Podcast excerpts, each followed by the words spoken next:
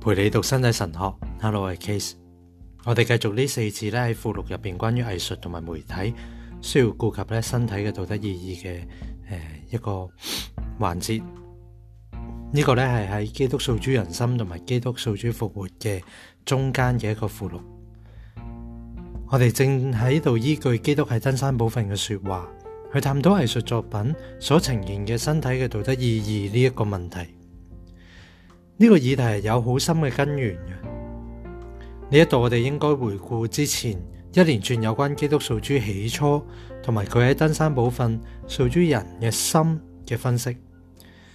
人嘅身体即系表现咗男女性特质，所有争议嘅赤裸嘅身体啦，系具有位格同埋位格之间将自己作为礼物互相交付嘅嗰种意义嘅，即系我哋讲。诶，身体嘅配偶性意义啊，因住位格主体嘅尊严啦，身体嘅道德意义，亦即系赤裸嘅身体嘅道德秩序，同某种具有参照意义嘅系统呢，有住密切嘅关系嘅。呢个系统被理解为配偶性嘅系统，即系好似一个 couple 啊，一个 couple 特质嘅系统，即系人唔系就咁人嘅，两个位格好似个 couple 咁样嘅。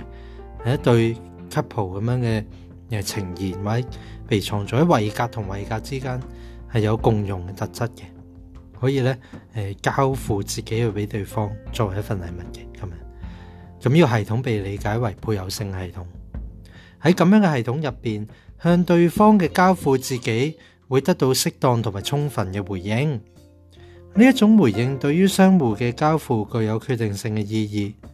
以藝術形式。佢将赤裸嘅男女身体物品化，系为咗使身体首先成为模特儿，然后成为艺术作品嘅主题。呢个往往涉及到位制嘅交付结构入边，移除嗰个原本同埋专属于身体嘅。呢个可以话系使人嘅身体完全脱离呢一个结构，并将身体移到去艺术形式物品化嘅向度。呢个向度咧特别可见于艺术作品。或者當代電影同埋攝影技術常用嘅攝制過程，呢個向度用各自不同嘅方式，使人嘅身體失去交付呢個深層主体意義，成為預定俾好多人認識嘅物品。人們喺觀賞呢個物品嘅時候咧，就可以取得或甚至佔有一啲喺本質上边係存在於交付層面嘅嘢。呢个指位格同位格之间嘅交付，当然唔再系发生喺影像入边嘅交付啦，而系在于活着嘅人之间嘅交付。事实上，呢个占有嘅行动而喺另一个层面发生，亦即系以艺术嘅形式去转变或者摄制为物品嘅层面。然而，从身体嘅道德意义嘅角度去睇啊。只要深入了解身体嘅道德意义，就唔难发现其中引发嘅问题。呢个系非常敏感嘅问题。至于有几严重呢，就取决于艺术活动同埋对艺术作品嘅知识，或者摄制艺术作品嘅各种动机同环境啦。即使引发咗嘅呢个问题，亦都唔表示赤裸嘅人嘅身体唔能够成为艺术作品嘅主题嘅，只是。呢个并非单纯嘅美学事宜啊，亦都并非完全唔涉及道德嘅。喺较早嘅分析入边，特别系关于素珠起初嘅分析啦，我哋用咗相当嘅时间去讨论羞耻嘅意义，并尝试去了解两个情况或者状态咧嘅区别。一个咧系原初清白无罪嘅状态，即系男女二人咧都赤身露体唔羞耻嘅状态。另一个呢系其后嘅罪性状态，亦即系男女喺对方面前感到有需要保护身体嘅私隐，诶，即系唔受外界侵扰嘅内在空间啊！要保护身体呢一个嘅内在空间，有需要去保护佢。呢一种需要咧系伴随羞耻咧一齐产生嘅，即系感到羞耻啦，跟住佢要保护自己身体啊，又觉得有需要咁样。喺屈从于贪欲嘅人心入边，呢一种需要系间接咁样去确保交付同埋相互自我交付系可能发生嘅，因为呢个世界有贪欲啦。咁样要间接咁样去确保确保咗交付可能发生呢，就觉得好需要保护呢个内在嘅状况啊。咁就伴随羞耻一齐去产生咗。咁呢个系罪之后嘅状态。呢一种需要亦都塑造咗人作为。文化物品嘅行事方式，当文化明显咁样倾向将人嘅裸露身体遮蔽起嚟，咁样并唔全然系基于气候嘅原因嘅，即系唔系净系冻啊，而系人嘅个人觉性有所增长，即系理解到自己人性，沦为物品嘅人隐没咗身份，裸露自己，咁样同与真正嘅人类道德文化进程咧。系背道而馳嘅，即使喺所謂原始人嘅生活入边，相信都可以肯定呢一點。人嘅個人個性，即係覺得嘅嗰種特性啦，即係自覺啊，個人嘅嗰種察覺啊嘅特質，得以去提高咧，絕對係文化同因素同埋結果。有羞恥心，亦即係。觉得有需要保护自己身体嘅隐私，喺呢个需要嘅背后隐藏住更内在嘅规范。佢系咩呢？就系关乎交付嘅规范。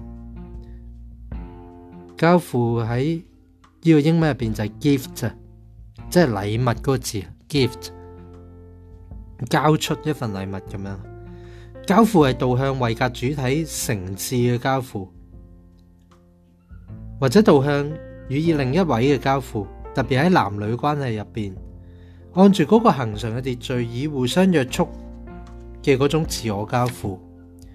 因此喺广义嘅人类文化进程入边，我哋发现，即使人喺承受咗罪性嘅状态下，身体嘅男女性特质仍然相当明显咁去呈现为身体嘅背有性意义嘅一种延续。我哋喺圣经首几章就已经认识到起初嘅羞耻，嗰个系文化同埋道德嘅恒久元素，系人嘅身体嘅道德意义最基本嘅根源。为嗰啲喺觉性上面已经达到相当程度嘅人，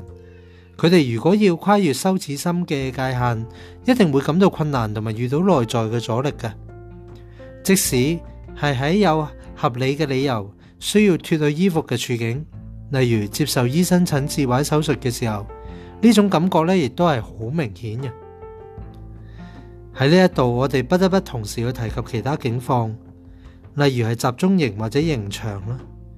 喺呢啲警况入边，侵犯同埋身体相关嘅羞耻心，系刻意摧毁人嘅个性同埋人嘅尊严感嘅方法。喺世界各地，呢一种准则用唔同嘅方式去获得重新肯定。基于人嘅个性，人系唔愿意通过隐没身份去裸露身体，而成为俾其他人去观看嘅物品，亦都唔愿意其他人用同样嘅方式成为供自己观看嘅物品。好明显，佢有好多唔愿意，同样缺取决于俾佢有自己有几大程度受住人性身体尊严呢个个性嘅牵引。事实上，有各种唔同嘅原因咧，可以诱发、刺激，甚至逼使人咧喺行动上边，相反人嘅身体嘅尊严。呢啲原因关系到个人嘅个性同埋要求。我哋唔能够忘记历史入边嘅人，基本内在嘅状态就系在于三重贪欲嘅情况。呢个情况特别系肉身嘅贪欲，用各种唔同嘅方式去影响紧人心内在嘅驱力。人际关系嘅整个氛围，以及社会嘅伦理道德，即使我哋喺讨论艺术呢一个广阔嘅领域，尤其系以视觉影像或者表演为主嘅艺术，以及喺论述大众文化嘅时候，我哋都要谨记呢一点。大众文化同埋视听传播嘅广播技术关系密切，因而喺当代占有重要嘅地位。所引發嘅問題係，從身體嘅道德意義嘅角度嚟睇，人喺呢一個領域嘅行為喺咩程度同埋喺點樣嘅情況下先會被控訴為色情影像呢？即系 pornovision。實在有啲著作已經被正在遭控為色情作品，即係 pornography。喺上述任何一個情況，如果人僭越咗羞恥心嘅界限，或者個人關乎於人嘅身體赤裸嘅身體嘅界限，即可受到呢一咁樣嘅控訴。如果喺藝術作品或者視聽媒體入边，人侵犯咗身體就其男性同埋女性特質而擁有嘅隱私權，以及好似剛才最後嘅分析所指出，人嘅交付同埋相互嘅自我交付有佢内內在嘅深層秩序。呢个秩序铭刻咗喺遍布于佢为人嘅整个结构上面嘅男女性特质嘅。当呢个深层秩序受到扰乱，亦都会成为控诉嘅对象。呢个深切嘅铭刻，更好讲系一种刻印啊，即系喺个结构上面嘅男女特质啊，深层嘅一个秩序。呢种深切嘅刻印，对于人嘅身体嘅配偶性意义咧，有决定性嘅作用嘅。呢个意义就系身体接受嘅基本嘅呼召啊，亦即系建立同埋参与人同人嘅位制共用。我哋暂时咧，诶放低呢个讨论，并且咧喺下次会继续嘅。我哋应该注意，对于喺生命同埋社会教育营造有利精结嘅氛围呢个问题而言咧，唔可以漠视人嘅行为系咪遵从或者违反呢个与人嘅。个人个性有密切关系嘅秩序，即系意思系